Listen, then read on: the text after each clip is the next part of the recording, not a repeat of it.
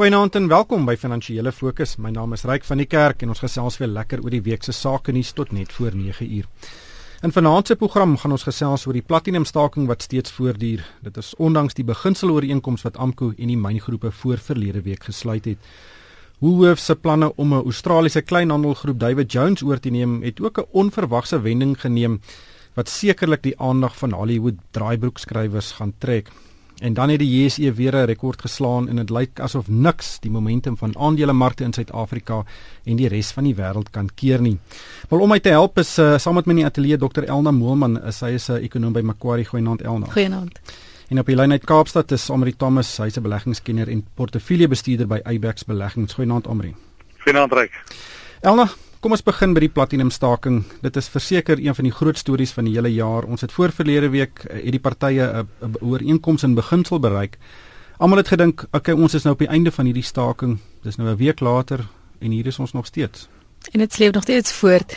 Ek dink ongelukkig nou nuwe unie, nuwe beginsels, nuwe spelreëls met ander woorde. Dit ek dink dit was die groot ontdekking van die week gewees is dat jy, jy het jou ou vennote geken en nou werk jy met 'n nuwe ene wat volgens nuwe reëls baie duidelik speel. Baie ongelukkig direkte impak op die ekonomie baie groot, indirekte impak net so groot. Wat interessant was is hierdie week het die Reserwebank vir die eerste keer gepraat oor hoe groot hierdie indirekte effek was. So hulle sê die totale impak van hierdie staking op die BBP groei in die eerste kwartaal van die jaar is 2.2%. So omtrent 1.3% direkte impak en 0.9% indirekte impak en ek vermoed daai indirekte impak sal nog groei. Met ander woorde, vir 'n tyd lank bly die indirekte impak nog 'n bietjie onder druk, soos wat jy nou maar probeer om jou klein besigheid aan die gang te hou ensovoorts, maar daar's meer en meer ehm um, stories oor klein besighede wat ondergaan ensovoorts. So ek dink daai indirekte impak word ook groter en dan praat ons nog nie van die tipiese impak op beleggersvertroue ensovoorts nie. Ja, reg die, die die ander ding wat my opgeval het is so 'n week terug het mens groot hoop gehad daar dat dan nou tot 'n ooreenkoms gekom het en dit lyk amper as vir nuwe unie teruggegaan het op op wat hulle gesê het en heeltemal nuwe kondisies baie gesit het en en dit maak dit moeilik om te onderhandel as die lyn die hele tyd skuif en jy weet nie waar jy staan nie. En uh dis moeilik om te sien wat die eintlike onderliggende agenda is van die Unie. Ons het in die staatsrede gesien dat die president gesê het hy gaan nou self verantwoordelikheid neem om die probleme in die platinum sektor te probeer oplos. Ehm um, van tevore het hy Galema Motlanthe aangestel. Elna weet die president het sy kritiek gekry, maar hierdie is 'n baie baie goeie aankondiging en 'n dapper stap van hom om self hier beheer te neem en te kyk of hy dit kan uitsorteer. Dit was die een positiewe ding wat ons gesien het in die staatsrede en die ander een was dat hulle Cyril Ramaphosa na netlek te stuur. Ek dink dit was een van die groot probleme as jy met verskillende besigheidsspelers, unies, regering praat, is die ondergang van netlek oor die laaste paar jaar een van die groot probleme in ekonomie. Dis tipies waar jy hierdie onderliggende probleme sou kon aanspreek en sou kon praat oor hoe kan ons dit dalk aanspreek of watter inkomste kan ons gaan of hoe kan ons die wetgewing aanpas ensovoorts. So ek dink die blote feit dat jy hom terugstuur gaan 'n groot verskil maak. So dit is dink ek die twee positiewe aspekte van die staatsrede. Dan Omri, jy weet om nou hierby aan te sluit, ons het omtrent 4 noodgevalle aankondigings van Eskom gesien hierdie week. Ehm um, daar was beerkrag in sekere areas. Maar platinum myne gebruik baie elektrisiteit en sou daar 'n ooreenkoms binnekort kom en nuwe waarvan daai skagte wat nie op die oomblik in bedryf is nie, word in bedryf gestel gaan daar net nog meer druk op die elektrisiteitsnetwerk wees. Ja, Ryk, ek dink soos ons vroeër gepraat het, dit kan tot 1 tot 2% van Suid-Afrika se elektrisiteitsverbruik is dat heiliglik buite aksie is met die met die platinum stakings en ek dink as dit terugkom gaan dit net nog verder druk op 'n uh, eh, alreeds uh, onderdrukte industrie sit. Ehm um, as jy ook in ag neem dit is nou die seisoen waar die meeste elektrisiteit verbruik word, is daai marginale addisionele vraag kameel se rug uh, verder breek as as hy nog verder kan breek. ja. Met, met 2% bykomende vraag vir elektrisiteit. Dit is 'n elna 'n wesenlike hoeveelheid elektrisiteit. As jy eintlik met ander woorde al klaar by 'n situasie is wat jy nie genoeg het nie, absoluut. Hmm. Ek dink die een ligpuntjie is daarom die um, hernubare energieprogram wat lyk my redelik goed voortgaan. Is ongelukkig nie baie groot addisionele uh, aanbod van elektrisiteit wat hulle vir ons gaan gee nie, maar ons hoop dat meer en meer daarvan uh, aanlyn sal kom in die komende maande. So hopelik is dit daarom so 'n bietjie van 'n ligpunt. Die president het in die staatsrede ook verwys na die energiekrisis of die elektrisiteitskrisis en het 'n hele paar planne aangekondig insluitende kernkrag. Dit is nie 'n korttermyn oplossing nie, maar Wat dink jy van daai idee? En 'n redelike duur oplossing. Ek was nogal verbaas geweest daaroor. Ek het my interpretasie was nie heeltemal dat hy so sterk uitgekom het nie, maar dan sien mens natuurlik nou die minister van energie toe nou agterna ook aangekondig het dat dit definitief deel van die plan gaan wees. Mens as mens net kyk na die kostes dan is ek redelik verbaas dat hulle nog steeds so so ondersteunend daartoe is, maar hulle het natuurlik ook gepraat van steenkool 3 wat die volgende fase gaan wees. So met ander woorde, enige kernkrag sal dan nou eers 'n langer termyn projek wees. Hierdie is 'n interessante debat en ek dink nie daar is 'n antwoord nie, maar hoekom sal Suid-Afrika nie gaan en tenders uitreikens vir die die regulering van die basies die hele elektrisiteitsbedryf en dit net inkoop van private verskaffers nie. Ehm um, dat die regering die uh, die infrastruktuur vir die verspreiding van elektrisiteit verskaf, maar dat die generering of die opwekking van daai elektrisiteit in private hande is en uh, die probleem om daai goed te bou en in stand te hou is dan nie die staat se verantwoordelikheid nie, maar die van private kontrakteurs. Ek dink ons begin so 'n bietjie in daai rigting beweeg wat jy op hierdie stadium sien is al die hernubare krag word eintlik maar nog steeds uh, uitgereik of of die kontrakte aangegaan met een of ander vorm van regeringsondersteuning. So die regering moet op die ou einde nog waarborge gee dat hy hierdie krag sal aankoop en teen 'n sekere prys sal aankoop. So ten spyte daarvan dat dit privaat opwekking is, is daar nog steeds regeringsimplikasies en mense moet dalk 'n bietjie ook gaan kyk na wat dit beteken vir die regering se totale verantwoordelikhede in terme van hulle skuld. So met ander woorde, jy het hierdie skuld plus dan nou al hierdie verantwoordelikhede en die borge wat hulle vir staatsondernemings gegee het. Hmm. Omri, ek wil 'n bietjie gesels oor Woolworths en hulle wedervarings in uh, Australië. Die groep het so 'n paar maande gelede aangekondig hulle wil die Australiese groep David Jones koop vir 'n groot bedrag, 23 miljard rand. Alles het gelyk of hierdie transaksie uh, goedgekeur gaan word en dit sou Woolworths een van die grootste kleinhandelgroepe in die suidelike halfrond maak. Baie goeie suksesstorie vir Woolworths. Maar hierdie week kom uh, 'n individu met die naam van Solomon Liu en hy sê hy 10% van David Jones se aandele gekoop en hy wil hierdie transaksie stop. Hoe werk so iets? Ja, is interessant as ons kyk, uh, daar's natuurlik geskiedenis met meneer Liu. As jy 'n bietjie teruggaan in in in die in die geskiedenis, uh, hoe was die eerste ingang in Australië was toe hulle natuurlik Country Road gekoop het en dit was 'n dis genoteerde maatskappy in in Australië en hulle het oor tyd meeste van die minderheidsaandeelhouers uitgekoop. Die enigste een wat oorbly in Country Road is uh is meneer Leeu. En hy sit nou nog steeds met 'n 11.8% aandeel in in Country Road. Nou Country Road het altyd hierso teen so 3 Australiese dollar verhandel.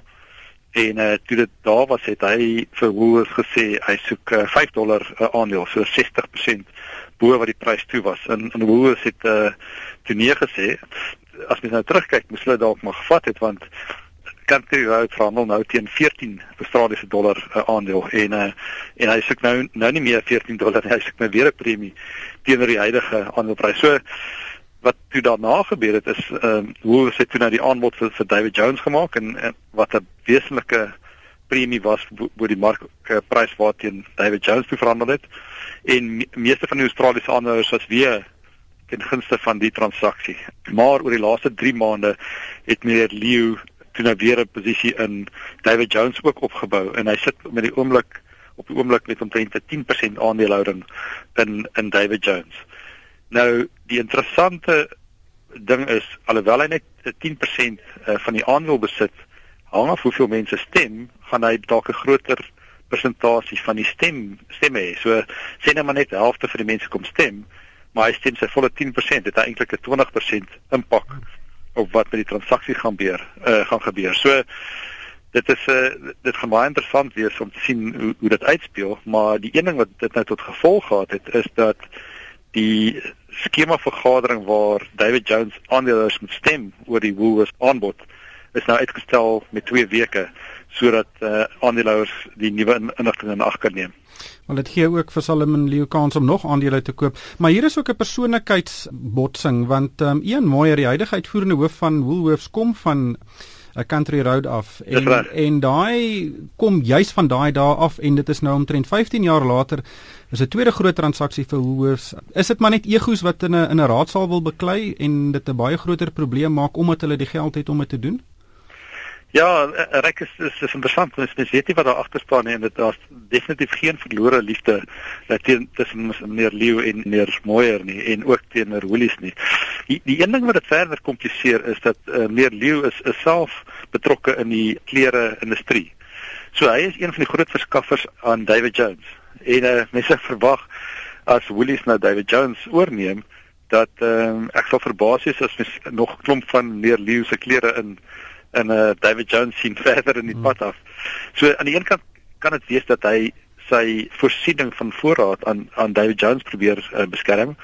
Aan die ander kant kan dit wees dat hy dit maar net nog as verdere uh, druk wil gebruik om 'n uh, weer eens 'n premie uit uit Woolworths te kry.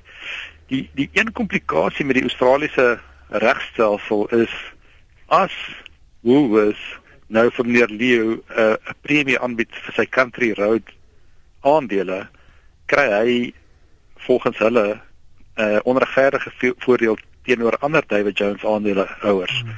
So dit kan dalk tot gevolg hê dat hulle 'n ekstra premie vir die ander aandeelhouers ook moet betaal en dan raak die transaksie onbekostigbaar. Ehm um, ek dink Suid-Afrikaanse aandeelhouers het tot dusver definitief die Woolworths bestuurspan die voordeel van die twyfel gegee alhoewel hulle baie duur prys betaal, maar ek dink as daai prys nog wesentlik verder opgaan, gaan dit moeilik wees uh, om die transaksie verby die Suid-Afrikaanse aandeelhouers uh, te kry. So dit kan op die einde kan daar 'n klomp partye wees uh, wat verloor uit die transaksie, um, almal behalwe die die beleggingsbanke.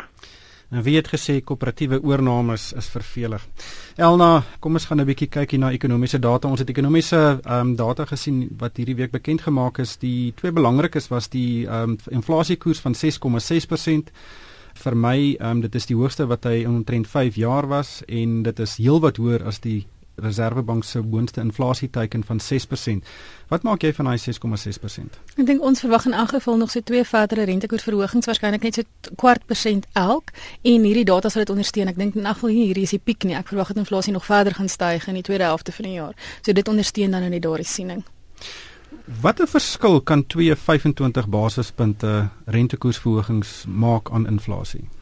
Dink die een ding waarop die Reservebank baie klem lê is die hele rentekoers. Is op hierdie stadium is jou repo koers met ander woorde heelwat onder jou inflasiekoers en een van hulle doelwitte dink ek in die kort na medium termyn is om ten minste jou repo koers gelyk met jou inflasiekoers te kry.